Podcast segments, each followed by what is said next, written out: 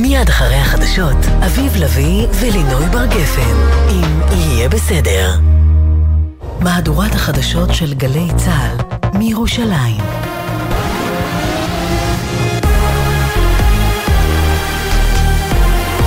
גלי צה"ל מירושלים השעה שלוש, שלום רב, באולפן רני אבנאי עם מה שקורה עכשיו. מזכיר המדינה של ארה"ב אנטוני בלינקן יגיע ארצה בשבוע הבא, מדווח כתבנו המדיני יניר קוזין. בלינקן צפוי לבקר בישראל בפעם החמישית מתחילת המלחמה בחודש הבא. על פי הערכות הוא יגיע לישראל בסוף השבוע הבא. בלינקן יבקר כאן ברקע אמירות של בכירים בממשל על כך שישראל צריכה להתחיל להיערך למעבר לשלב הבא במלחמה, כמו גם לתכנן את מה שמכונה אסטרטגיית היום שאחרי. בלינקן צפוי לבקר גם במדינות נוספות באזור, כמו איחוד האמירויות, ירדן והרשות הפלסטינית. היום ה-82 למלחמה, לוחמי צה"ל חשפו בשבועיים האחרונים עשרות פירים התקפיים והשמידו מאות תשתיות טרור בעומק ח'אן יונס. לוחמי הקומנדו חיסלו מחבלים רבים וביצעו עשרות תקיפות באמצעות חימושים ממוקדים. ידיעה שמסר כתבנו הצבאי דורון קדוש. נשיא טורקיה ארדואן, בעוד מתקפה מקוממת נגד ישראל, ראש הממשלה נתניהו לא שונה מהיטלר, מדווחת כתבת חדשות החוץ איה אילון. בנאום שנשא בטקס חלוקת פרסי מדע, פנה נשיא טורקיה לנתניהו ואמר, במה אתה שונה מהיטלר? איך מעשיך פחותים משלו? הוא לא היה כל כך עשיר, אתה יותר עשיר ממנו. עוד הוסיף ארדואן כי צפינו במחנות הנאצים של ישראל, הם עוד גרמו לנו להתגעגע להיטלר. עם כל התמיכה מהמערב ומארצות הברית, הם הרגו יותר מ-20 אלף עזתים. תושב הדרום בעל צרכים מיוחדים נעצר בירושלים בחשד שתלה ראש כרות של חמור בבית קברות מוסלמי סמוך להר הבית. הגבר חשוד בהתעללות בבעל חיים והפרת הסדר הציבורי ונתפס כשברשותו גרזן. כתבתנו בבירה נועה ברנס מוסיפה כי אדם נוסף נעצר בחשד שהסיע את החשוד הראשון. מעורבותו באירוע נחקרת. המשטרה פענחה את הרצח של איה חג'אג', בת 25, שנדקרה למוות לפני חודש לעיני ילדיה. על פי החשד, אחיה בן 14 דקר אותה למוות ונמלט מהזירה ברכב שהמתין לו, בו נהג בן דודו בן 15. כתבתנו עדה שטייף מוסרת שגם אביה של חג'אג' נעצר בחשד למעורבות ברצח. מעצרם של החשודים מוארך וכתב אישום יוגש נגדם בימים הקרובים. אישה בת 60 נפצעה קשה ואישה נוספת כבת 50 נפצעה בינוני בהתנגשות רכב במעקה בטיחות בכביש 6 סמוך למחלף נשרים. צוות מד"א פינה אותן לבית החולים שיבא תל השומר. מזג האוויר למחר, הטמפרטורות גבוהות מרגיל לעונה. לידיעת חיילי צה"ל ברצועת עזה, מחברת מטאוטק נמסר כי יהיה מעונן חלקית, תיתכן גשם מקומי מדי פעם עם סיכוי לרעמים. לחיילינו בגבול הצפון, שם יהיה מעונן חלקית עד בהיר ונוח. אלה החדשות שערך היום רועי ולד, בצוות אלישיב הראל ומוטי זאדה.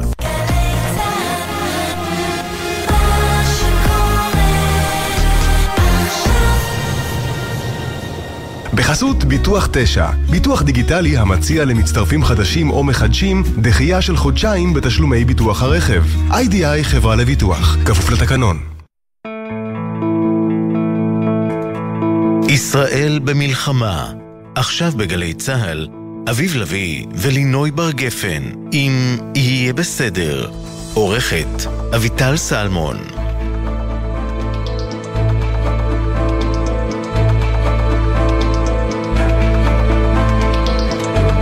היי לינוי. אהלן. השמועה אומרת שהגעת חמושה בהמלצה. הכי פשוטה שיש. תשמע, בשבועות האחרונים המון אנשים, בעיקר נשים אני שומעת, מתלוננים על עייפות, על תחושה של לאות ועייפות. ואנחנו מסבירים את זה לעצמנו בטוב, זו תקופה נורא קשה, והרגשות הכבדים, אולי זה משפיע על עייפות, אולי אני לא ישן מספיק, אולי כדאי שאני אלך לבדיקות דם. עכשיו, אני לא נגד בדיקות דם, זה ברור שכדאי לבדוק אם יש חוסרים תזונתיים. אבל לפני כמה ימים קראתי המלצה שאשכרה שינתה את חיי, כי גם אני חשתי את העייפות הזאת. Mm-hmm. כתבה שם תזונאית ואמרה, חבר'ה, הסיפור נורא פשוט. בגלל שמזג האוויר התקרר, אתם שותים פחות מים. והגוף לא מאותת לכם שחסרים לכם מים, אלא באמצעות העייפות הזו. העייפות הזו היא פשוט מחסור במים. שתו יותר. אמרתי לעצמי, לא יכול להיות שזה עד כדי כך פשוט. Mm-hmm. מצד שני, בדיקות הדם שלי תקינות, אני ישנה טוב בלילה, הכל בסדר, אין, אין סיבה כאילו ש... אז התחלתי לשתות יותר מים. לא המון, אגב, איך את, קצת איך. את מודדת את זה? ממש... אה, אני גיליתי שלהתחיל לחשבן לעצמי, אתה יודע, תשתי שני ליטר, תחלקי את זה ל-X, לא עובד לי. אני פשוט או מסתובבת עם בקבוק, או ברגע שאני נמצאת ליד איזה קולר אני שותה, ואתה יודע, אוקיי. יותר, במודעות יותר אה, גדולה לזה. אני לא צריכה לשתות כוס שלמה עכשיו, כמה שלוקים כל פעם, וזה עושה את העבודה. ובאמת זה שיפר את המצב וואלה. בצורה נורא משמעותית. אז אני, כמילותיו של אה, מורנו ורבנו נחמן שי, שתו מים. במלחמה. לא, לא חייבים לשים סמרטוט, סמרטוט ספוג מתחת לא, לדלת. הסמרטוט זה אנחנו, אנחנו הסמרטוט הספוג או- מתחת או- לדלת. או יריות ניילון על החלונות. רק מים. בדיוק, אבל אתם תשתו את המים. האמת שאני מתחבר, לא חשבתי על זה בהקשר הזה, אבל חד משמעית, אה, אה, אי שתיית מים אה, מספקת. זה משהו שהוא לא נמצא כמעט במודעות, והוא גורם להמון, יש לו המון המון תופעות לוואי נכון. והשלכות על הגוף. אבל ו- הקטע, בקטע הזה של העייפות, לפני שאתם לא, נבהלים, לא- את זה לא קישרתי, אבל... פשוט אה, תשתו קצת כן. יותר ותראו מה זה עושה אחרי כמה ימים. הצטרפתי. יאללה. יהיה בסדר בגל"צ, זה דף פייסבוק שלנו, יהיה בסדר בגל"צ או בסדר נקודה GLZ. אה, רגע, מה? הערת כן. סוגריים. אה, יש לנו גם נטייה בתקופות לחוצות לשתות יותר קפה. Mm. והקפה הוא משתן. זאת כן. אומרת, אנחנו מאבדים יותר נוזלים. כן. אז על, אצלי יש כלל על כל כוס קפה, אני גם שותה כוס מים. אז שימו לב גם שאם אתם הגברתם את צריכת הקפה, יש מצב שאתם אני- פשוט אני רק רוצה להגיד שאם על-. על כוס קפה אני אשתה גם כוס מים, אז אני אצטרך אסלה- כן. צמודה. יהיה בסדר בגל"צ, זה דף הפייסבוק שלנו, יהיה בסדר בגל"צ או בסדר נקודה GLZ. הוואטסאפ שלנו לתגובות כתובות, כי כבר מישהו התחיל להתקשר, אז חבר'ה, כתוב 052-920-1040, 052-920-1040, והמייל אוקיי, כרוכית glz.co.il, אוקיי, כרוכית glz.co.il. אה, בואי נתחיל בשדרות, שלום דורון. שלום, צהריים טובים. אתה עכשיו בשדרות או במילואים? מה מצבך? אני עכשיו, אני עכשיו בצו 8, נמצא, אני אוקיי. משרת באגף מבצעים של אה, גדוד מתמרן. אוקיי. אוקיי, ורגע, והמשפחה שלך פונתה, חזרה, מה מצבכם? המשפחה שלי פונתה ביחד עם כל שדרות, ולקיבוץ יוטבתה קלטתי את המשפחה שלי, אז הם לא נמצאים במלונות באילת, הם מהמם. בקיבוץ יוטבתה אשתי ושני הילדים שלי. נראה לי. נראה לי קיבוץ. עדיף מאוד מאשר להיות אה, תקוע. בחדר במלון אה, תקופה. אה, ואתה, אה, אתה עם בטן מלאה, כי אתה בעצם אומר למה כל החלטה חייבת להתעכב עד הדקה ה-90, שלא לומר להיכנס לזמן פציעות, נכון? כן. אז תראה, נראה לי שווה להסביר למאזינות ומאזינים שלאו דווקא מכירים את איך שזה עובד, לפחות מאז, מאז השביעי באוקטובר. מהמם. בעצם כל הסיוע והתמיכה לתושבי תושבות העוטף, שזה כולל את אה, מה שנקרא 0 עד 4, זאת אומרת היישובים הקרובים ביותר לגדר, שזה שדרות והקיבוצים המושבים הקרובים יותר, 0 עד 7, יישובים כמו אשקלון, שאומנם לא... מקבלים, לא, לא מוגדרים כעוטף עזה וכן יש להם אה, סיוע מיוחד מהמם. במסגרת המלחמה, הכל מעוגן תחת החלטת ממשלה שדורשת דורשת הארכה תקופתית. ככה זה עובד, זה גם הצפון, אותו סיפור. כן. עכשיו, הממשלה, משיקוליה, שהם להבנתי בעיקר כלכליים, אה, מעריכה את זה כל פעם במספר שבועות, בחודש וחודש, אולי קצת יותר. אה, וזה בחוויה שלנו, התושבים, לפחות שלי ושל המשפחה שלי ושל כל מי שאני פוגש, זה, זה מייצר מציאות שהיא בלתי אפשרית. למה? כי, ב, כי אני עכשיו, זאת אומרת, אשתי עכשיו נמצאת עם שני ילדים, בסדר? עם ילדה בת שנתיים וחצי. רגע, רק נגיד דורון, שכרגע ההחלטה היא תוקפה עומד לפוג ב-31 בדצמבר, שזה בעצם אחרי. סוף השבוע הזה אה, עוד יום זה- עוד וחצי עסקים. לצורך העניין.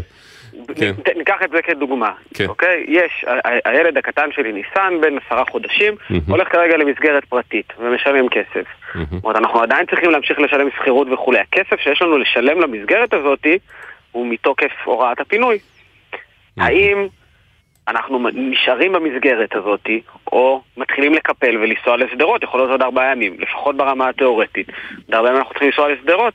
האם לחתום על חוזה שכירות, למשל, כל מיני חבר'ה, הרי המדינה מאפשרת או ללכת למלון, מהמם. או לקבל אה, כסף ולשכור... אה, ואנחנו חשבנו באיזשהו שלב, אולי בינתיים ללכת לגור באיזשהו מקום, ואיפה שיש מסגרות, צריך להגיד, אין, אין מסגרות לגיל הרך כמעט בשום מקום. אה, אבל בשביל לעשות דבר כזה צריך לחתום על, על חוזה, או לפחות לשדר ל, אה, לבעל הדירה לכמה זמן אני יכול לחתום חוזה. עכשיו, אני לא יודע אפילו לכמה זמן אני, אני בכלל צריך להיערך. אה, כי אנחנו ניזונים, אתה יודע, אתמול... אני, אני נחשפתי לכוונות המדינה דרך חדשות ערוץ 12, דרך איזושהי הדלפה של תוכנית... כתבו, ופה אנחנו, אני חושב שבדרום אנחנו למדנו לשים לב לניואנסים, שהתוכנית המסתמנת היא, הדגש פה הוא על המילה מסתמנת, מסתמנת זה לא יכול להשתנות לכל כיוון, היא, היא שנחזור ב, בסוף פברואר. אני אומר המסתמנת כי זה יכול להיות תחילת פברואר, וזה יכול להיות מרץ, וזה יכול להיות אפריל, וכל זאת אומרת, כל, מחש... כל מחשבה כזאת יש לה השפעות דרמטיות רגע עלינו כהורים. בוודאי, על, על, אבל על... אני רוצה לשאול, רגע, אם להיות uh, פרקליט השטן, mm-hmm. uh, זו מלחמה, ואין ודאויות במלחמה, זאת אומרת, אי אפשר לדעת, uh, האומנם בסוף פברואר המצב יהיה כזה שיאפשר חזרה, שיאפשר... שגרה מסוימת אחרת ממה שיש עכשיו? כן, אבל... האם נדמה... אנחנו פה לא דורשים ודאות? האם, האם בהינתן שזה המצב, האם הדרישה לוודאות היא בכלל ריאלית? אבל נתחיל מוודאות מעבר לעוד שלושה ימים. אוקיי, ונגיד שיאריכו את תוקף ההחלטה הזו לחודשיים. עכשיו לא אם יאריכו, כבר עכשיו אם יאריכו זה יהיה בדקה ה-90, ממש בשנייה האחרונה. כן, דורון, אבל אנחנו מתווכחים פה בינינו, אה, דבר אתה. אני... אני חושב ש, שחשוב, אני חושב שזה מאוד חשוב שהשאלה שאת מעלה, כי היא, היא, היא, זאת אומרת, היא נכנסת לשאלה באמת חשובה, שזה בעצם למה, למה שדרות מפונה עכשיו. זאת אומרת, שדרות היא, היא, זאת אומרת, היא, היא, היא, זאת אומרת, היא המרחב ששואלים את השאלה הזאת הכי הרבה, כי היא בעצם לא הוחרבה מהיסוד כמו קיבוצים כמו בארי. לא, אני, אני אה, מבינה מצוין לא, למה שדרות מפונה. אני לא מערערת על זה. אני, אני, אני תוהה האם ניתן לייצר ודאות. אבל אני חושב שבתשובה למה שדרות מפונה היא למה חייב לייצר ודאות ואיך okay. אוקיי, אפשר. אוקיי. זאת השאלה. בסדר? Mm-hmm. כי אם היינו אומרים ששדרות מפונה רק כי יורים טילים עכשיו, ואם, זאת אומרת, אז, אז ניחא, אבל שדרות מפונה בגלל שלוש סיבות, בסדר? עכשיו צריך להגיד שדרות והעוטף. שדרות מדברים mm-hmm. עליה הרבה כי היא גדולה. כן. ויש סיבה כלכלית לדבר עליה. מה, איך אתה מגדיר את הסיבות? כי אגב, אני, אני בזמן האחרון מסתובב המון בעוטף, ואני מוכרח להגיד שיש לי הרבה שיחות עם אנשים שם על זה שהם בדילמות מאוד קשות, מה עמדתם? האם הם רוצים לחזור היום הביתה, האם לא? אם כן, האם לעשות את זה כשרוב הקהילה, זה בעיקר בקיבוצים כמובן הדילמה, לא חוזרת. יש פער גדול כמובן בין אנשים ילדים קטנים כמוך. לבין אנשים בוגרים או עם ילדים בוגרים שכבר לא גרים איתם, שמערכת השיקולים שונה לגמרי. אה, אני מודה, אני מודה מנקודת מבטי לפחות, שאם הייתי תושב שדרות, וילדיי כבר לא קטנים במסגרות של ילדים קטנים, אני חושב שהייתי כבר רוצה לחזור הביתה וזהו. אבל זה אני, רק אני. אני חושב שרגע צריך לחזור, אני, אני, התשובה לשאלה שלך, לפחות מסביבתי ומאנשים mm-hmm. שאני מדבר איתם, mm-hmm. היא כן, אבל, mm-hmm. תלוי איך. אוקיי. זאת אומרת, התשובה היא כן, זה הבית שלנו. אתה יודע, לפני שעתיים קיבלתי הודעה שברוך השם, סוף סוף אישרו לנו את המשכנתה וקנינו בית. זאת אומרת, זה, זה, זה הבית שלנו, אנחנו רוצים לחזור. השאלה היא איך, אבל אנחנו פונינו בגלל שלוש סיבות. הראשונה היא ביטחון. ואני מרגיש שאנחנו כל הזמן נתקעים רק בדיון הטכני הזה. נכון, אמ, אה, חמאס כבש חלק משמעותי משדרות למשך שעות, ושדרות הייתה נצורה ארבע שעות, וזאת אולי הסיבה המיידית ביותר לפינוי. אוקיי? ויש עדיין שאלות ביטחוניות סביב הדבר הזה, צריך להגיד ירי על שדרות הוא לא ירי על תל אביב מבחינת זמן ההתארגנות. נכון. אבל, אבל אני, אני בכוונה מדלג מהר על הסוגיה הזאת, כי אני מרגיש שזה כל הזמן נתקע שם. אנחנו שואלים קצת שאלה טכנית של אוקיי, רגע, כמה יורים טילים? יש עוד שתי סיבות. הראשונה היא, טרא... השנייה היא טראומה. כן. אוקיי? הילדה שלי בת שנתיים וחצי, בסדר? עברה בגיל שנתיים וחצי שני סבבים ומלחמה. בסדר? היא עברה את עלות השחר. דור, דורון, זה, אתה אומר דברים מעניינים וחשובים, אבל אנחנו רוצים רגע להתמקד, לחזור להתמקד בדיון, אז, אז, שבו אז אתה, אני, בעיקר אז אתה אני, אומר, אז... גם אם אתם לא יכולים בתשובה לשאלתה של לינוי, או להשגה של לינוי, לתת לי ודאות שלושה חודשים קדימה כמו שאנשים רוצים ו- ו- וזקוקים, אבל לא חייבים לחכות עם כל החלטה עד היומיים ורבע האחרונים, זה לא סביר, אני... נכון? זה אני, מה שאתה אומר. זה, זה, זה בטוח לא סביר, okay. ואני אוקיי. כן חושב שמדינת ישראל יכולה בחישוב שלה, כן. בסדר? זאת אומרת, רגע, להיערך לאפשרות שהיא... אה, ת, זאת אומרת, תאריך את הוראת הפינוי יותר ממה שהיא הייתה רוצה מעט, מאשר להפך. זאת אומרת, מה שאני הייתי מצפה מהמדינה, זה להגיד, אוקיי, עד מרץ, שזה התאריך הכי רחוק שאנחנו נראה לנו כרגע, אנחנו נותנים לכם איזושהי יציבות. זאת אומרת, אתה אומר, אפילו, ו- אפילו אם כרגע לא נראה שיש סיבה ודאית שיהיה צריך את זה עד מרץ, אתה אומר, ולו כדי לתת ודאות ל- לאנשים, אז לקבל החלטה כזאת, מקסימום אולי אחרי זה אפשר יהיה לשנות טווח אותה. ביטחון, שולי לתת טווח ביטחון, ביטחון. אה, בזמן אוקיי. זמנים יותר יותר רחב. דורון, אה, אתה כן. מן הסתם לא היחיד ש, שהסיטואציה הזאת שאנחנו מתקרבים במהירות ל-31 בדצמבר ועדיין אין הודעה רשמית על הארכת המתווה והזכאויות של הפינוי. דיברנו עם עוד כמה אנשים בשדרות והסביבה, בואו נשמע אותם. אנחנו גרים בקיבוץ ברעם. אנחנו יודעים שהמימון של המדינה אמור להסתיים ב-31 דצמבר. מצד אחד אה, לא ברור מה הולך להיות, האם המדינה ממשיכה לממן, האם אנחנו אמורים לחזור למצב מאוד לא בטוח ומוגן, אה, המון המון סימני שאלה ולא ברור, מפחיד. אני תושבת שדרות. אה, הממשלה נמנעת מלקבל החלטה על הארכת הפינוי ובעצם מייצרת חוסר ודאות מיותר לחלוטין על גבי כל מה שעברנו, על גבי חוסר הוודאות שקיים ממילא בתוך המצב הכל כך אה, בלתי נסבל שאנחנו נמצאים בתוכו. הקיבוץ שלי התפנה בשמיני לאוקטובר למלון בטבריה, ואנחנו לא יודעים מה יהיה איתנו מה-31 ל-12. כמובן שחלק מהדוברות בקולאז' היו מהגבול הצפון, אבל זו כן, אותה צריך לומר, סיטואציה. ההחלטה רלוונטית הן לצפון כן. והן לדרום. אם כי קיבוץ ברם למשל, למרבה הצער, בטוח לא יחזרו ב-31 לא בינואר. משנה מה תהיה ההחלטה. ל- כן, זה לא, לא, לא, אבל לא תהיה גם החלטה כזאת, זה לא ריאלי לחלוטין. אלון דוידי, ראש עיריית שדרות, שלום. אהלן, אפשר לשאול שאלה? בבקשה. למה אתה לא שואל אה, בפתיח שלך, או בכלל האייטם שלכם, הוא מה קורה עם תושבי נירעם, או מה קורה עם תושבי מפלסים? מדוע אנחנו צריכים לבדל אותם משאר תושבי אנחנו מדברים על העוטף עוטף עזה? ובמקרה דורון משדרות, מהבוקר- אה, הוא... מהבוקר- כן. מהבוקר מראיינים אותי על שדרות, אוקיי. שדרות. שדרות, שדרות. לא ראיתי אתכם עושים כי אתה ראש עיריית שדרות, אלון. לא, לא, לא. אני, נכון, אבל למה לא שואלים את השאלה נו. אה, מה קורה עם קיבוץ נירעם ומה קורה עם קיבוץ מפלסים? כי אנחנו שואלים לגבי החלטה שרלוונטית לגבי כל העוטף, ובכלל זה שדרות, ובכלל זה. שדרות? לא, לא, אבל למה אתם בוחרים את שדרות? אבל בקולאז' ששמנו של התושבים לא היו רק משדרות, היו מהצפון אבל את יודעת שאני ומשדרות. התראיינתי כבר ארבע פעמים, ועכשיו אני רוצה לחזור לעניין. קודם כל, אתם בסדר גמור. כי מי שצריך להחליט את ההחלטה זה ממשלת ישראל. ואני כבר שבועיים אומר להם, הרי אתם יודעים את התשובה, כי אנחנו הרי מדברים עם הבכירים. גם עם הבכירים בצבא וגם עם הבכירים בממשלת ישראל. מהמם. כולם מבינים שהיא תהיה הערכה. אוקיי. כמה הם רוצים את ההערכה, אם עד, של- אם עד סוף מרץ, אם עד סוף פברואר, זה כבר הם צריכים להודיע. אבל זה ריבונו מה שמעכב עולם, אותם? ה- השאלה עד ריבונו מתי? של עולם, ריבונו של עולם, את יודעת, אני שמעתי את הרעיון עם דורון היקר. איזה כאב לב בכלל שהוא צריך להסביר ולהצדיק למה הוא מבקש ודאות ב- ב- לתקופה הקצרה הזו. ממש, אני אומר לך את האמת, אני, אני כל כך מזדהה איתו וכל כך כואב לי, אבל אני משמח בדבר אחד, שדורון הוא כמו למעלה מ-60 אלף תושבים בעוטף, אה, בערך 36 אלף תושבים מתוכם בעיר שדרות, שכבר 20 שנה נמצאים תחת טרור, בזמן שממשלת ישראל אף פעם לא קיבלה את ההחלטה הנכונה להשמיד את החמאס. והם נתנו לנו במשך שנים רבות להיות ההגנה, או נקרא לזה אה, אה, חזית ההגנה על מדינת ישראל. ואני כל כך גאה בדורון, שהוא אומר שהוא מאושר, כי המשכנתה שלו אושרה והוא קונה כבר את הבית בשדרות. וזה המ- זה מה שאני רואה מול העיניים שלי בעזרת השם. אני רוצה אז לשאול אותך, שלנו, אני רוצה אז לשאול אותך, אלון דוידי, האם, מה בעצם מעכב את החתימה, האשרור הסופי למשהו ש... בואי, אם אני אקריא לך את תגובת משרד הביטחון, הם אומרים, ההחלטה על הארכת משך תוכניות פינוי קיימת ומסוכמת עקרונית בין, משרד, בין משרדי הממשלה. אנחנו פועלים להביאה לאישור הממשלה מהר ככל הניתן, מתוך כוונה לייצר ודאות ורציפות למפונים. מה מעכב אותם? את יודעת מה התשובה של... מה מה הוא אומר בתשובה הזו? מה? זו תשובה של מישהו לא רציני. למה? למה? כי אני, אני סתם מדמיין, כאילו, החיילים עכשיו שנמצאים בחזית עכשיו, מישהו באמת מדמיין שלא רוכשים ציוד לעוד חודשיים ולעוד חודש ולעוד שלושה חודשים? הרי מה דורון ביקש ממך?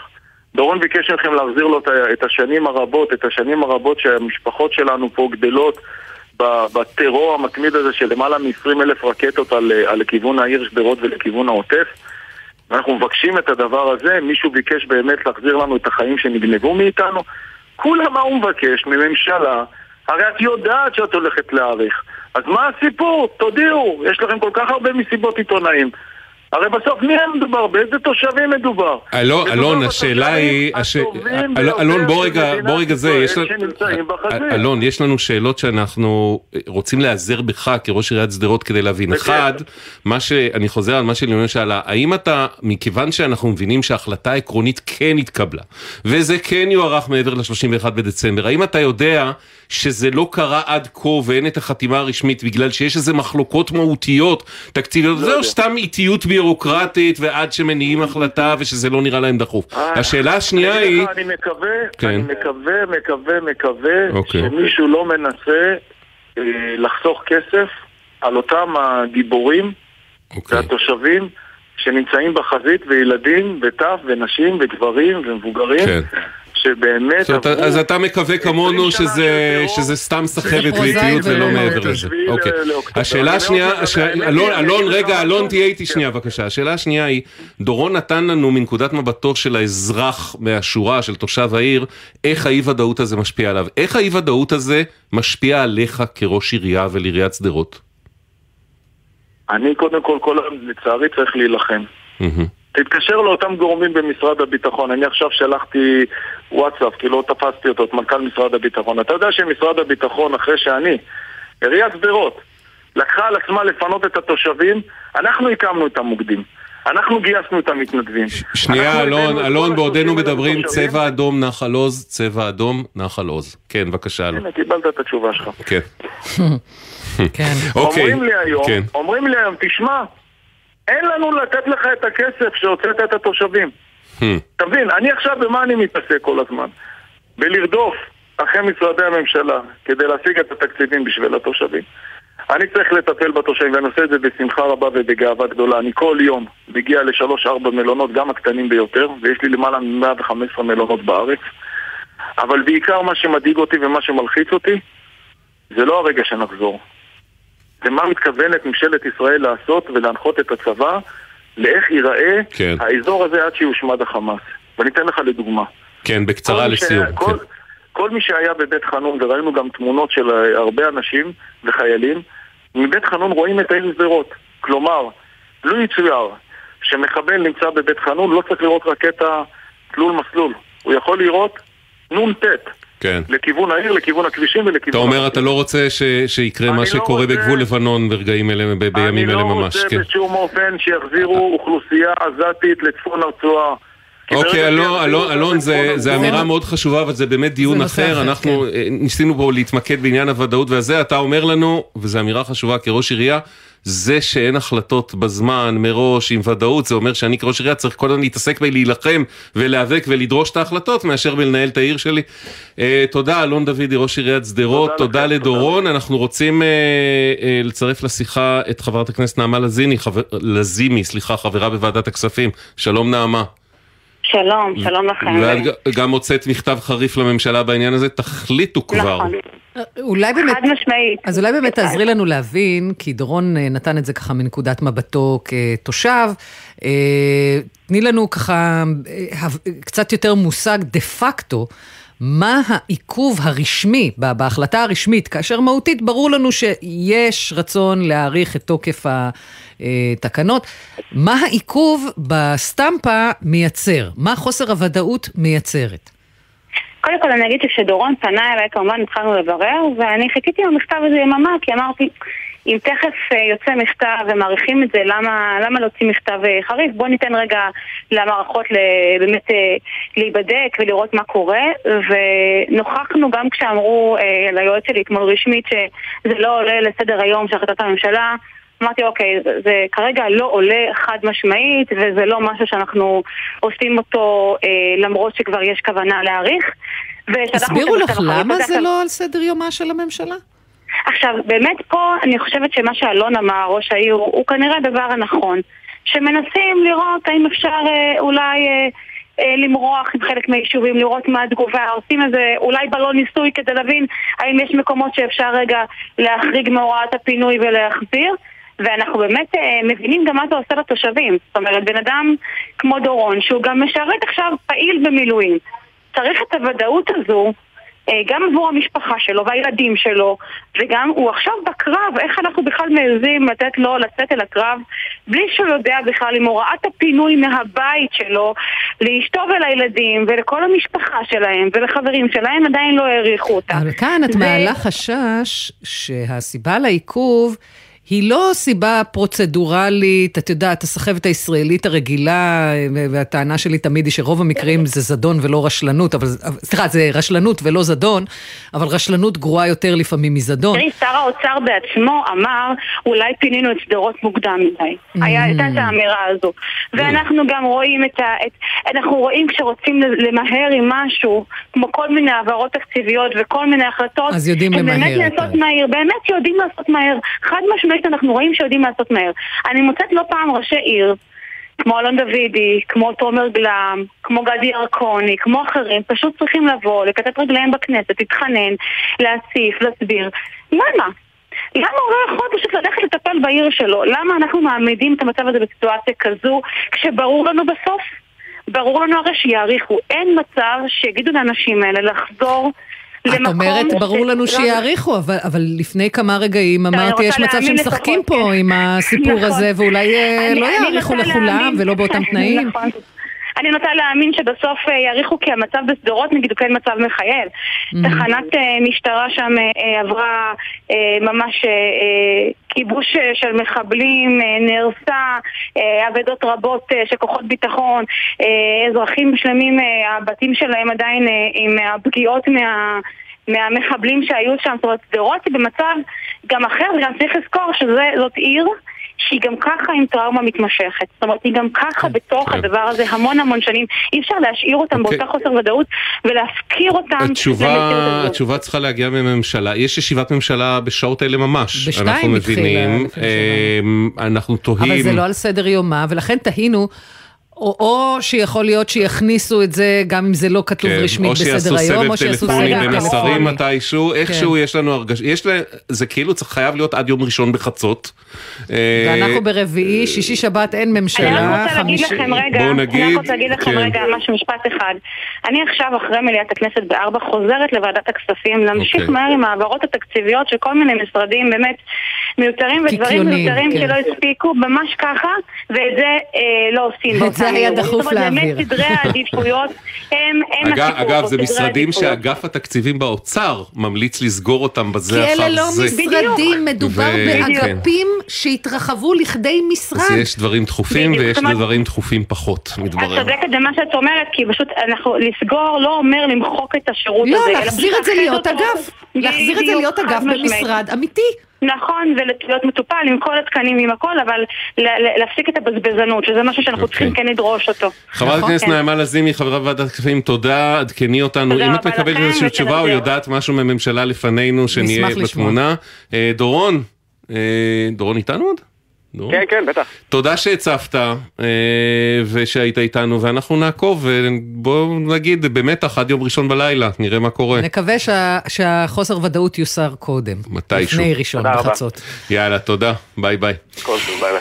אה, הנה עוד הנה, דברים אתה יודע מה? זה- זה עכשיו האייטם הבא. מה? תראה, עוד- עוד אנשים, ש- אנש- עוד דברים שאנשים צריכים להתעסק איתם במילואים. לא, זה, כן, נכון. ומצד שני, אייטם על הוט עושה לי, עושה לי תחושה שבכל זאת אה, משהו בעולם הקודם שלפני המלחמה נשאר דומה. שלום, ירין. שלום, צהריים טובים.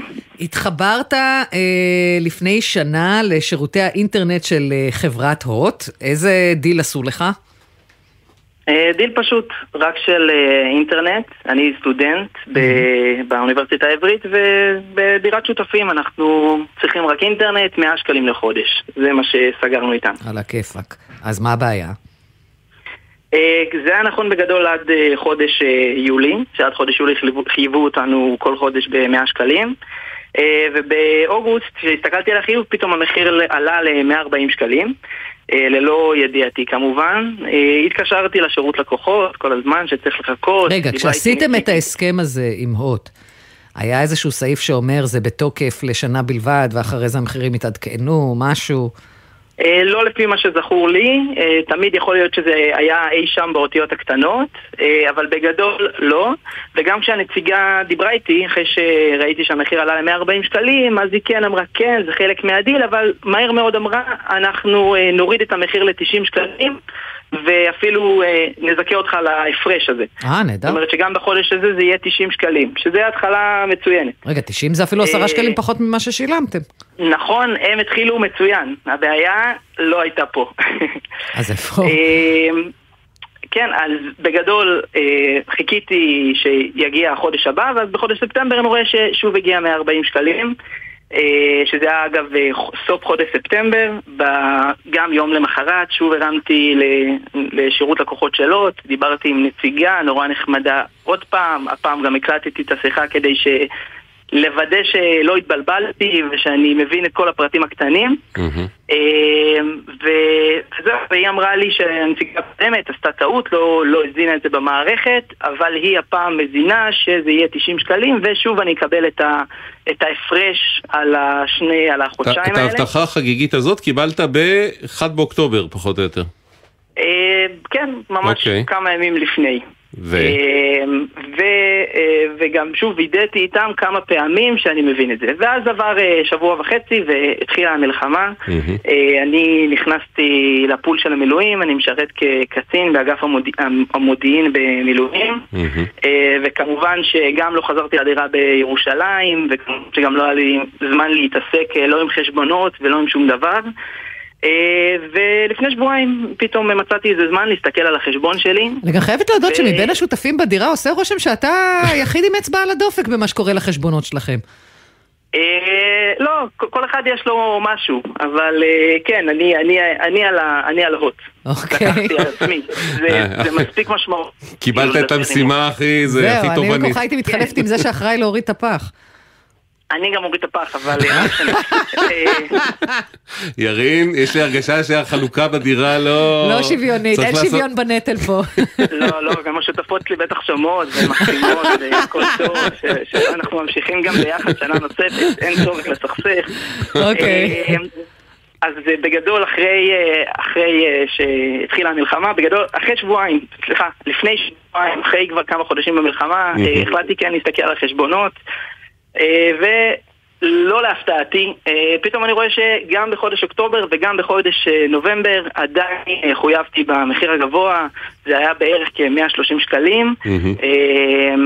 וכמובן לא זיכוי ולא נעליים ולא נציג שחזר אליי, שגם היה אמור, נציג שהיה אמור לחזור אליי לדבר איתי על הזיכוי כמה ימים אחרי השיחה עוד בספטמבר, אה, בסוף ספטמבר, אה, וזהו, ובמקרה הזה כבר אה, גם אני... הגיעו מים עד נפש. ולא היה לי זמן להתעסק עם זה אז, ממש. אוקיי, אז אנחנו פנינו להוט. והם אומרים לנו כך: הוט מחויבת למתן שירות מיטבי, וכך גם תמשיך לפעול. המקרה טופל במישרין מול הלקוח. האם לאחר שפנינו, הדברים הסתדרו? אכן, אכן. מה? אכן הדברים הסתדרו. לפני יומיים התקשרה אליי אה, נציגה נוספת. אה, שדיברה נורא יפה, וקודם כל השורה התחתונה היא סידרה את הדברים הפעם באמת, זאת אומרת אה, באותו יום, גם זה היה יום לפני החיוב, אז פתאום ראיתי שיום למחרת היה חיוב של 90 שקלים, 92, הם תמיד נותנים איזה אחד יותר, אבל היה ב-90 שקלים, וגם הפעם לעומת הפעמים הקודמות אמרו יחזור אליי נציג, אז גם נתנו לי את ה... החזירו לי את הכסף בהודעת אסמס, קיבלתי שאני באמת מקבל את ההפרש הזה אה, על ה-140 שקלים. ואתם עכשיו על 92 אה, שקלים מכאן ועד הנצח? אני, אני מאוד מקווה. אני, אה, הבעיה שהייתי צריך, קודם כל רציתי להגיד לכם תודה רבה. בשמחה. שאיזה כיף שיש אתכם, שאתם עושים עבודת קודש ועוזרים לכל כך הרבה אנשים, אבל uh, זה באמת uh, די מבאס לדעת שחברה גדולה כמו עדיין ממשיכה לנסות לעשות על אנשים את ה... בסוף זה שיטת מצליח, כאילו בסוף זה לא נציגה אחת עם טעות אנושית, טעות אנושית ונציגה שנייה ונציגה שלישית. יש פה דברים שמלכתחילה אפשר להבין שהם קצת מוזרים, גם העובדה שכשעוד בשיחה השנייה ביקשתי מהנציגה סיכום של השיחה, תשלח לי במייל, שיהיה לי כתוב, והיא לא יכלה לשלוח לי, ולעומת זאת כשהם מדברים עם מוט אה, ועושים איתם, אה, לא יודע, משהו, מזמינים משהו חדש, הם מדברים עם המכירות, הם יודעים יפה מאוד לשלוח חזרה למייל. ירין, אה, אנחנו שמחים שיכולנו לסייע ולחסוך לך קצת זמן, כי נדמה לי שבמלחמה יש לך כמה דברים יותר חשובים לעשות מאשר לשבת על הקו עם אה, נציגי שירות ו- וכן הלאה. ודש אה, לשותפות, ואני מקווה שבזמן שאתה במילואים הן כן הורידו את הפח, כי זה כבר מתחיל, אתה יודע, לא, להיות אם- בעייתי. אם הם בדירה בכלל, כי סטודנטים, לא, גם הם, נכון? גם זהו. הם, גם הם לא בדירה, אף אחד לא בדירה. ו- לימודים מתחילים אה, ביום ראשון עוד שבוע. ביום אוקיי. ראשון הקרוב. רגע, גם. הן לא בדירה? מה, הן פינו את עצמן? מי משלם שכירות? אה, לא, גם מילואים, גם זה. כן? גם, אה, גם התנכלויות. במילואים. אנחנו עושים דברים. משתדלים. אוקיי. אחלה ירין, תודה. תודה רבה. יאללה, בכיף. ביי. אה, שתי דקות 24 ונחזור. אתם מאזינים לגלי צה"ל. עכשיו במוזה, מוזיאון ארץ ישראל תל אביב, עדות מקומית 2023. התערוכה השנתית לצילום עיתונות מציינת 20 שנה להיווסדה, והיא כוללת תיעוד של השבועות הראשונים למלחמה בדרום. במוזה, מוזיאון ארץ ישראל תל אביב. ידעתם שמשרד החקלאות מקצה לחקלאים 20 מיליון שקלים לשינוי ייעוד של מבנים חקלאיים, ושמשרד האוצר נותן מענקים לעסקים ולעצמאים מכל רחבי הארץ? וידעתם שיש אתר אחד המרכז למענכם את כל המידע על כל מה שהממשלה עושה. כל המידע למפונים, לעסקים, לחקלאים, לכל האזרחים. עכשיו באתר חרבות ברזל, מידע לציבור ממשרדי הממשלה. חפשו ברשת חרבות ברזל, מידע לציבור ממשרדי הממשלה, ותקבלו את כל המידע על מה שאתם יכולים לקבל מהממשלה.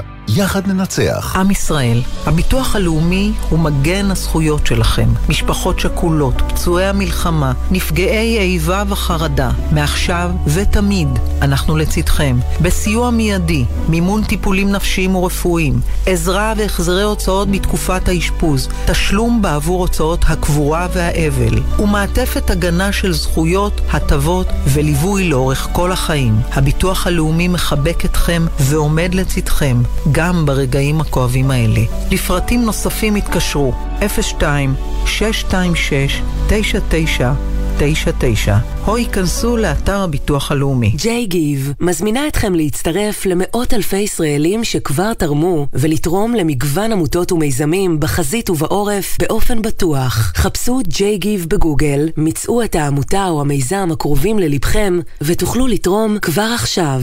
ג'יי גיב, הבית של הנתינה. יחד במלחמה. מצאנו את הרדיו. אז זה העביר לנו את הזמן. מצאתם רדיו? הנה הרדיו. זה הדבר היחידי שמחזיק אותנו. גלי צה"ל כל הזמן. זה הכוח, זה הכוח. זה והמשמעות שלנו. גלי צה"ל, פה איתכם, בכל מקום, בכל זמן. עכשיו בגלי צה"ל, אביב לביא ולינוי בר גפן, אם יהיה בסדר. הבית של החיילים, גלי צה"ל. מישהו כותב לנו שזה סימולציה שצריך ללמד בבתי ספר כהכנה לחיים. על מה? בחלוקת מטלות ודירה. אם אה. אני עושה את הוט ומוריד את האשפה, מה אתם צריכים לעשות בתמורה? מה- השווים ש... אה, במקום אחר, בזמן אחר, אני אפרט לכם אה, איך אה, ניהלתי עם בעלי לשעבר את לוח המטלות, ואיך זה הוביל לגירושנו. הבנתי. אה, הם עוד בשלב השותפות, זה כן, נראה לי יותר פשוט. יהיה בסדר בגל"צ, זה דף פייסבוק שלנו, יהיה בסדר בגל"צ או בסדר נקודה glz, הוואטסאפ לתגובות כתובות 052-920-1040, 052-920-1040 והמייל אוקיי כרוכית glz.co.il, אוקיי כרוכית glz.co.il. פינת המעקב. בנובמבר 22, לפני יותר משנה, שוחחנו עם עורכת הדין נעמי קסל, שמלווה את משפחתה של אנסטסיה. אנסטסיה היא צעירה בת 14, שנמצאת באוקראינה עם סבתה. עורכת הדין קסל סיפרה שרשות האוכלוסין וההגירה מסרבת להתיר לאנסטסיה להגיע ארצה מתוקף נוהל נינים ולהתאחד עם משפחתה. מדובר בילדה בת 14 בלבד, שנמצאת היום באוקראינה, וההורים שלה, שהם אזרחים ישראלים שגרים פה בישראל ומבקשים את כניסתה לפה, מדינת ישראל, משרד הפנים, מסרבים לאשר את כניסתה לישראל ומפרידים ביניהם. חודשיים לאחר מכן שוחחנו עם עורכת הדין קסל בשנית ועדכנו שרשות האוכלוסין הסכימה שאנסטסיה תיכנס לארץ כתיירת, אבל המאבק להסדרת מעמדה עדיין לא הושלם. רשות האוכלוסין עומדת על ההחלטה שעליה הגשנו את הערר, שאנסטסיה לא עומדת בתנאים של הנוהל מאחר ולא היה לה כאן מרכז חיים יחד עם הוריה, ומתעלמת מהנסיבות שציינו, מטובתה של אנסטסיה, מזכותם לחיי משפחה כאן בישראל. שלום לעורכת הדין נעמי קסל. שלום. אז אה, אנחנו בעצם מדברים פחות או יותר שנה אה, אחרי שתי השיחות האלה. אנסטסיה, בת כמה היא היום? היא חגגה 15 בשבוע שעבר. אה, ממש ילדה עדיין. והמצב, והיא בארץ עדיין במעמד של תיירת, נכון? מעמד... אה, נכון. אה, לא... שנה, רגע, שנה במעמד של תיירת, עם הערכות, זה אומר בעצם, חודשים. כן. היא מקבלת שירותי בריאות, חינוך, משהו? לא, לא, לא, לא. וואלה. אבל uh, האמת שאני מאוד שמחה להתראיין uh, עם בשורות טובות, Mm. במיוחד בזמנים הקשים האלה.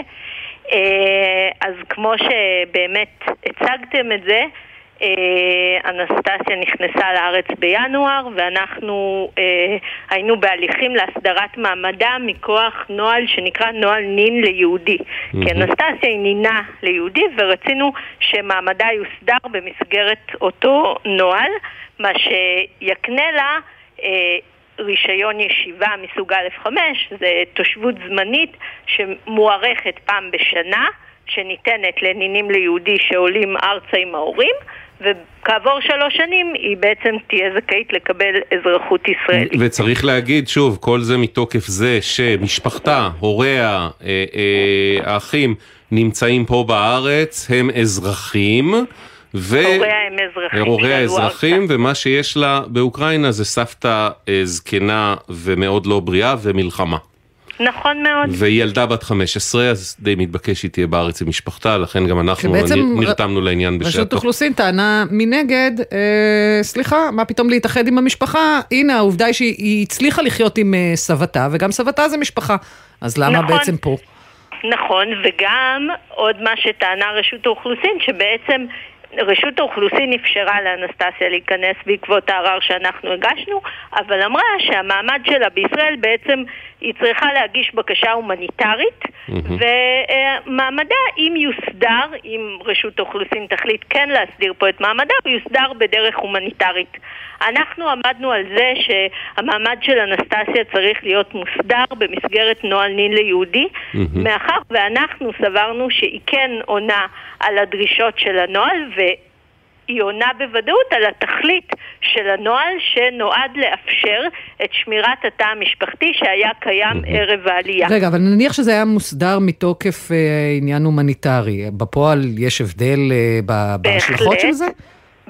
קודם כל, אה, המעמד הומניטרי לא הובטח לאנסטסיה, זה שנים לפעמים שמחכים למעמד מכוח החלטת הוועדה. כן. אם הוועדה מחליטה כן להסדיר את המעמד, ואפילו אם היא נותנת א' 5 תושבות זמנית מכוח אה, המסלול ההומניטרי, אנסטסיה אז הייתה צריכה להיות עשר שנים אה, באלף חמש, עד שהיא ואז- מקבלת אזרחות, כן. אם בכ- אם כן, בכלל, במעמד כן. ומעבר לזה, גם בעצם ועדה הומניטרית זה קצת המקום הזה של לפנים משורת הדין, שאנחנו נכון. הולכים אקסטרה, ומה שעורכת הדין קסל טוענת, ואנחנו אה, הזדהינו עם אחת שזה הדין. הדין, ולכן גם בעצם זה הגיע לפתחו של בית המשפט המחוזי בבאר שבע.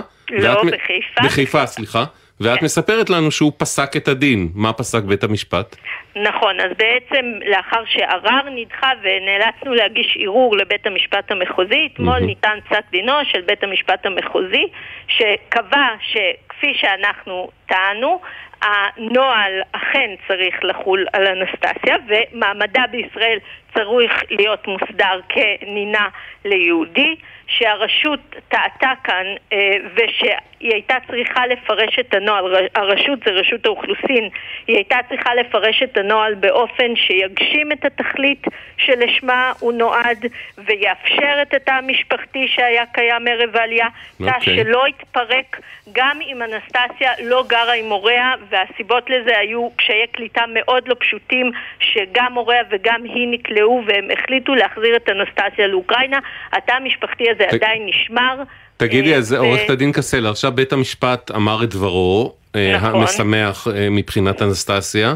מאוד. והאם זה סוף פסוק של הדיון, או שיש מצב שרשות האוכלוסין תערער לעליון? היא, אה, היא בהחלט יכולה, אוקיי. אין לה זכות ערעור, היא צריכה להגיש בקשה, מהמם. בקשת רשות ערעור. Mm. אה, אנחנו כמובן מקווים שהרשות אה, תקבל את הפרשנות הזו, שבעינינו היא הפרשנות הנכונה, כן. שגם עומדת עם אה, חוק השבות שנועד לאפשר, אמנם על אנסטסיה לא חל חוק השבות כי היא נינה, אבל הוריה עלו לכאן מכוח חוק השבות, והנוהל הזה הוא אחד מנספחי חוק השבות כן. שנועד לאפשר לאותם עולים לעלות. אוקיי, אז תוך אנחנו... כמה זמן, רגע, ונניח שהם מחליטים לא Mm. לערער, אה, לא להגיש בקשה לערעור, תוך כמה זמן הם אמורים לתת לה את המעמד? הם אמורים כרגע לתת לה את המעמד, ככל שרשות האוכלוסין לא רוצה לתת את המעמד, היא צריכה להגיש בקשה Hmm. לעיכוב ביצוע לבית המשפט, אבל מכוח פסק הדין, אנסטסיה צריכה לקבל כיום, כאילו... ממש ברמה מיידית. אנחנו קובעים לה תור ולקבל את המעמד הזה ולהמשיך לחיות בישראל, היא בבית הספר, אוקיי. בכיתה ט', לחיות יחד עם הוריה, עם אחיה. ו... וכמו כל אה, ילדה אחרת, נערה אחרת, להשתלב בארץ ו... יפה. אה, אגב, אז- מעניין שבגלל שזה מעמד לשלוש שנים, למעשה כשהוא ייגמר היא תהיה בת 18, מהמם. ואז יגייסו אותה. אה, נכון, ואפילו אה, שתדעו שנינים ליהודי זו סיטואציה ייחודית, יכולים להתגייס גם באלף חמש בתושבות זמנית. הם יכולים רק נינים ליהודי, לא אף מקרה אחר, יכולים גם להתגייס לצה"ל באלף חמש, ואז תוך כדי הצבא להתאזרח. מעניין. אבל, אה, אוקיי, עורכת להיות הדין שהיא נעמי קסל, אז עדכני אותנו לאן הדברים הולכים, אם מוגש או לא מוגש ערעור, ואם יש איזה שהן בעיות בתהליך הקבלת המעמד שצפוי להתרחש ממש בזמן הקרוב. אה, נשמח לעקוב. תודה רבה. תודה, תודה לכם, חדשות טובות, תודה רבה. תודה רבה. שלום אה, מנשה. אהלן. גם משדרות, אה, ואתה איפה עכשיו? אני בתל אביב. בתל אביב? אבל לא פונית נכון. לאילת? אה, בהתחלה כן, אה, אבל אה, מכיוון שהעבודה שלי נמצאת במרכז, בחודשיים הראשונים באמת הייתי באילת עם הילדים, ואחר כך עברתי לתל אביב. וכל המשפחה או רק אתה? מנשה? הלו? אתה איתנו? הלו? כן, כן, עכשיו כן, אנחנו כן, שומעים אותך, סליחה. שאלתי אם כל המשפחה עברה לתל אביב או רק אתה? כרגע, אה, אה, בגלל המצב המשפחתי שלנו, שאנחנו פרודים, אה, רק אני עברתי לתל אביב ובסופש עם הילדים מגיעים אליי. אוקיי. אז uh, קיבלת בהתחלה את המחצית הראשונה של ה... את הפעימה הראשונה של המענק למפונים, שזה 4,000 שקלים. מה קורה עם הפעימות הבאות? אז זהו, לאחר אה, כמה וכמה פניות לגבי, אחרי הרבה הרבה שמועות ש... של אה, אנשים שכבר קיבלו בעצם פעימה שנייה וכל מיני אה, מענקי התארגנות לכביסות וכל מיני כאלו, אה, בדקתי ולא, ולא קיבלתי שום דבר, וכשפניתי לרשות המיסים או לכל הגופים שפרסמו דברים כאלה ואחרים, אז אה, לא הייתה תשובה, לא, הייתה מענה, לא היה שום מענה אה, ממשי. מה זאת אומרת לא לא היה מענה ידעו, ממשי? לא ידעו, לא ידעו מתי וכמה ולמה, ולא לא היו להם תשובות. עכשיו אתה עומד בכל הקריטריונים הכי פשוטים, הכי ברורים, אין בכלל מקום של ספק או של מחלוקת, נעמו, ש, שיכול להיווצר פה, נכון? נכון, נכון, גם uh, למרות העובדה ש... שהמצב המשפחתי שלי uh, הגיע למצב כמו שהוא, באותה שבת הילדים היו איתי בבית וסבלנו תופת מטורפת. באמת uh, יצאנו בנס אחרי 30 שעות בממ"ד, בלי חשמל, בלי תקשורת, בלי כלום. וואו. Uh, קיבלנו את החיים שלנו במתנה, אבל מ- מהצד השני, בעצם כשהיינו כבר באילת, יצאנו ערומים מהבית. כן. ו- וקיבלת אה, את הפעימה הראשונה, אם זה לא הייתה בעיה. ואז נכון. השאלה המתעוררת היא מה קרה בזמן שעבר בין הפעימה הראשונה לשנייה?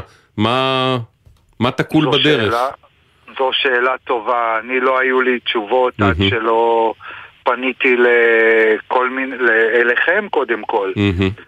אוקיי. לא היו שום תשובה, לא, לא הייתה שום תשובה, הם אה, פשוט, אה, יש לי אה, שיחות מוקלטות עם הנציגים, מהמם. שאין להם מושג, הם פשוט מעבירים את זה למוקד שמטפל בפניות אה, ל- לפעימה השנייה, וכשאני שאלתי האם יש איזושהי דרך לברר מול המוקד הזה אם, אה, אם אה, יש תשובה שלילית או חיובית, לא משנה איזו תשובה, העיקר שתהיה תשובה, אמרו לי שאין ב- אה, עם מי בעיקר לדבר. הסבר למה קרה פה. אוקיי, אנחנו פנינו לרשות המיסים, יש תשובה. הם אומרים, כספי המענק של מנשה לא עברו בגלל תקלה טכנית. התקלה סודרה, הוא צפוי לקבל את כספי המענק בימים הקרובים. עדכנו אותך? דיברו איתך?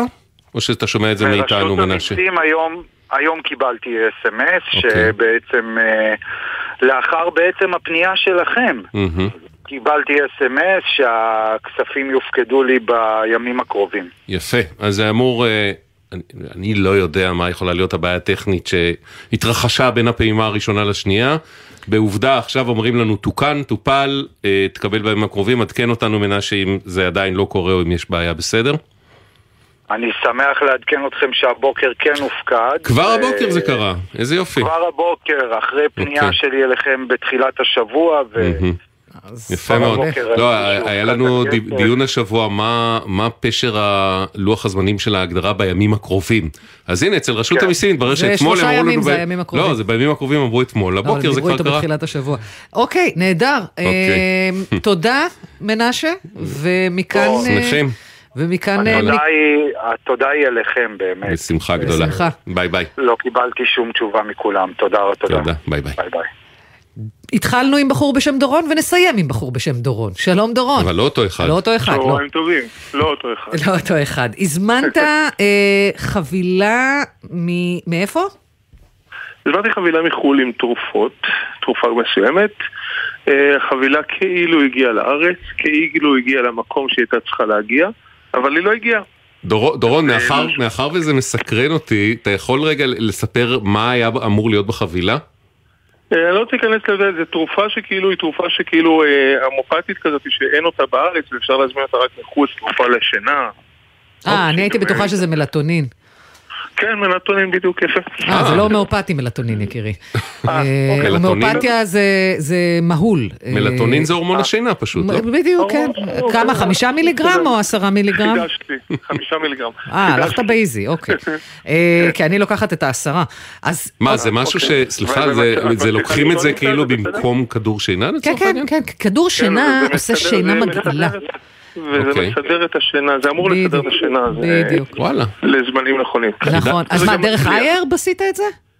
כן, דרך נו, אייר. כמו כולנו. נו, כמו כולנו, רק שברגע שזה הגיע לארץ. אה, היינו צריכים לחפש את החברת שליחויות, כי החברת שליחויות. מדברת איתך דרך הודעות. זה צ'יטה זה השליחויות אה, כן, צ'יטה, של... שליחויות. זה, אוקיי. אין, אין שום אפשרות ליצור איתם קשר בשום גורם. אפילו התקשרתי למשרדים שלהם, לכל משרד שאתה מגיע, אפילו אם אתה מצליח להגיע להנהלת חשבונות, כי ניסיתי לעקוף את הכל, אז אתה מקבל שם תשובה כאילו, אה, אבל אם אתה רוצה חבילה זה לא קשור אלינו, ותתקשר לה, כאילו, שלח לנו הודעה. ובעצם אז, אה, החבילה, נאמר לך, קיבלת הודעה מצ'יטה, החבילה הגיעה למקום מסוים, נכון. הלכת למקום, החבילה לא שם, אתה חוזר לא אליהם, שם, אף אחד לא יודע להגיד לך לאן היא נעלמה. חפש את החברים שלך, כאילו, סליחה על הביטוי. כן. אה, וזהו, ואז עד שפניתי אליכם אף אחד מצ'יטה כמובן לא פנה, ברגע שפניתי אליכם, אז הניסים מתגלים, אתם יודעים, כאילו. אז פתאום התקשרו מצ'יטה ואמרו שהם יזכו בסכום של החבילה והם ממשיכים לחפש את החבילה. כי מה שקרה זה שהם באמת המשיכו לחפש, אבל פשוט לא מצאו. כן, שזה אין לאף קורה, אחד זה- כרגע מושג איפה? החבילה הזו זה נמצאת. זה. מדיר שינה מעיניו, תרתי משמע. אה, וצ'יטה אה, אומרים בתגובה שהם חברת השליחויות הגדולה בישראל, מעבירה יותר ממיליון וחצי חבילות בחודש. המשלוח המדובר הועבר לחברתנו והופץ לנקודת מסירה. לאחר שהגיע לקוח לנקודת המסירה, לצערנו המשלוח המדובר לא אותר.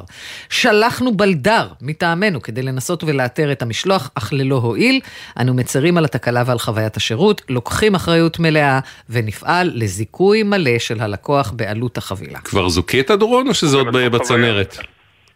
הם נתנו חוויה מהירה, האמת שהם חזרו טלפונית, שזה כבר משהו לזרות. לא, זהו, הבעיה, הרי הבעיה כמו הרבה פעמים, זה לא זה שהחבילה עבדה, זה יכול לקרות כשמשנים מיליוני חבילות, זה שהם לא תקשרו, לא תקשרו איתך ולא יענו לך, כאילו זאת הבעיה. היום המערכות הפכו להיות יותר בוטיות מבוטיות. כן, אה? אתה מדבר רק עם מכשירים, זה פשוט לא יאומן. אני שמח שאני, שלפחות לכם יש תוכנית שאפשר לדבר. אז רק אה, שוב אני שואל, זוכית כבר בשווה ערך של החבילה או שזה עוד בד- נכון- בדרך? נכון להיום, אה, זה בטיפול הנהלת חשבונות של צ'יטה, הם הבטיחו, אני מאמין שזה יזוכה. אוקיי. אגב, אגב, בסך הכל חברה מכובדת. דרך אגב, כשדיברתי איתו, שאלתי אותו Mm. על הנושא הזה, אמרתי לו, למה אין לכם כאילו אנשים שמדברים? אז הוא אומר שאין אף חברת שליחויות בארץ שעובדת כבר עם אנשים. באמת? וואו. אני לא, לא מבינה איזה... אה, סליחה, זו, זו תשובה קצת אה, תמוהה בעיניי. כי, אז מה אתה אומר בעצם? אנחנו עושים מה שכולם עושים? זה, זה כן, אנחנו הטיעון? עושים מה שכולם, אנחנו- אז אם אנחנו כולם שמו את הרף אנחנו במקום הכי נמוך, אבל אנחנו לא. נעז לא, להעלות את אנחנו הרף כן הזה? אנחנו כן חוזרים, דרך אגב, אחרי שפניתי לכם פתאום כן חזרו בצ'קים וחזרו בזה, כאילו, אבל בסדר. אני, אני שמח שהם חזרו, אני מאמין שהם חברה טובה ואמינה. איך אומרים, אנחנו נקווה שכמה שיותר מהר המשלוח הבא יחזור. זהו, בינתיים- אתה מצליח להירדם? מה מצבנו? זה לא בשבילי, אה, זה אוקיי. בשביל- זה בשביל אה, הבת שלי, אבל אוקיי. בסדר. את צריכה להירדם, אנחנו נסדר לזה. יש אגב, ממליצה לך בפעם הבאה שאתה מים, מזמין. חוץ מעניין הלשתות מים, אה, יש היום גם מלטונין בטעם תות, ילדים מתים על זה. מתים על זה, אני לוקחת גם את הטעם? תות. גם מאיירב, כן, כן, כן, ברור, ברור. ממלכת המלטונין, חצי מדינה על מלטונין מאיירב. אוקיי, פעם צריך לחקור למה לא נותנים לקנות בארץ את זה בלי מרשם. מה זה משנה? פה זה הרבה יותר, שם זה הרבה יותר זול, גם אם היית קונה עם מרשם זה היה לך יקר, רגע, אני לא מבין, זה. בארץ כאילו דורשים על זה מרשם, ובחו"ל אני אתה יכול להזמין את זה חופשי? מעולם לא ניסיתי לקחת בארץ. אני רוצה להגיד Mm. לכם סטורה, דרך אגב, אני לא רוצה להגיד אה, סופר פארם, אבל Mm. אני אגיד, אה, אבל קופסה קטנה של מלטולין, רבע ממה שקונים בחו"ל, כן. ב-20 שקלים עולה 170 שקל, העצמית שלהם. בכלל, תוספי תזונה, פשוט הרבה יותר זול באתרים תקשיבו, בחו"ל. עשיתי הרבה פה, יותר זול. קיבלתי סמינר, ולא, ולא סמי- מחברות קיקיוניות, מחברות... אה, קיבלתי סמינריון חשובות. במלטונין ובבעיות שינה, דברים שלא ידעתי מעולם, תודה לכם, השכלתם אותי. אני מקווה שתצליח לישון גם בלי זה. משתדל. דורון, אה, תודה, אנחנו שמחים ציינו תודה. בהחזר הכספי. ותשנו טוב כולכם. ושיהיה לנו רק בשורות טובות. לגמרי, לגמרי. יאללה, ביי. תודה, ביי ביי. אנחנו אומרים תודה גם לצוות שלנו, לעורכת אביטל סלמון, נכון? לתחקירניות, אה, כי אני תמיד אומר סלמון וזה שגיאה מתברר. אה, לתחקירניות, אה, תמרה דהן, אתה שוחה גליה... נגד הזרם. לגמרי. אתה יפה. תמרה דהן, גליה זרה ושירה אפרת, לטכנאי יואב מנדלוביץ', לעורך הדיגיטל מתן קסלמן, יהיה בסדר בגל"צ. זה דף פייסבוק שלנו, יהיה בסדר בגל"צ או בסדר.glz, המייל, אוקיי, כרוכי glz.co.il, אוקיי, כרוכי glz.co.il, והוואטסאפ 052-920-1040, 052-920-1040. זהו, תם שבוע יהיה בסדר, אנחנו נהיה ביום ראשון בשלוש עם נעמי. נעמי. להתראות. להתראות, ביי ביי.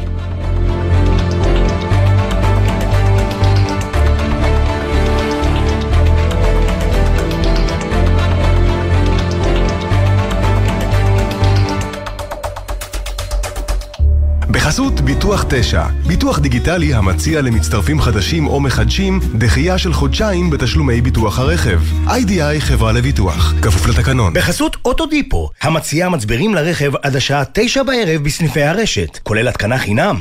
כי אין סיבה לשרוף את שישי במוסך. אוטודיפו. אתם מאזינים לגלי צה"ל. אתם זכאים למענק עבודה לשנת המס 2022? במיוחד בימים אלו, הגישו בקשה בקלות ובמהירות באתר רשות המיסים ותיהנו ממענק עבודה פלוס תוספת. הזכאות למענק עבודה פלוס מגיל 21. ועוד פלוס חשוב, מענק מוגדל של 150% ניתן לאם עובדת ולהורה יחיד. אז היכנסו לאתר רשות המיסים ותקבלו את הכספים החיוניים לכם. פרטים באתר ובחיוג כוכבית 4954. אצלי בבית, אמא ואבא קונים רק פירות וירקות ישראליים. איך זה אצלכם? זה הזמן לחזק את החקלאים שלנו. מ-24 בדצמבר תחול חובת סימון ארץ המקור של תוצרת טרייה הנמכרת בתפזורת. לכן כשקונים פירות וירקות, דגים ומוצרי חלב, בודקים שזה ישראלי, שיש סימן שזה מכאן. קונים תוצרת ישראלית ושומרים על החקלאות שלנו. מידע באתר משרד החקלאות. מגישים משרד החקלאות ומועצת הצמחים. נהגים, בחורף תנאי מזג האוויר ותנאי הדרך קשים יותר. הרעות מוגבלת, הכבישים חלקים ורטובים, ומערכות הרכב השונות מתנהגות אחרת. לכן, חשוב לנהוג ביתר תשומת לב. שומרים על מרחק גדול יותר מהרכב שלפנים, נמנעים מעקיפות ונוסעים לאט יותר ובמהירות המאפשרת להגיב בבטחה למתרחש בכביש. הרלב"ד, יחד נגיע ליעד. זה לא בוקר טוב עד שכולם וכולן יחזרו. אני אופיר אנגל. ישבתי 54 ימים בשבי החמאס. ישבתי עם יוסי שראבי, אבא של חברה שלי, באותו חדר קטן, חשוך ועם חוסר ודאות מוחלט לגבי עתידי. יוסי שראבי ואח שלו, אלי שראבי, עדיין מוחזקים וכל יום המצב שלהם מסתכן ומידרדר. צריך לשחרר את יוסי ואלי וכל החטופים עכשיו. כל בוקר, בוקר טוב ישראל עם משפחות החטופים, מצפים לכולם בבית. כשאחד היוצרים המוערוכים, אך המופנמים ביותר, מסכים לצלול אל סודות יצירתו, זה הזמן לפוד כספי. אחת, שתיים, שלוש, ארבע.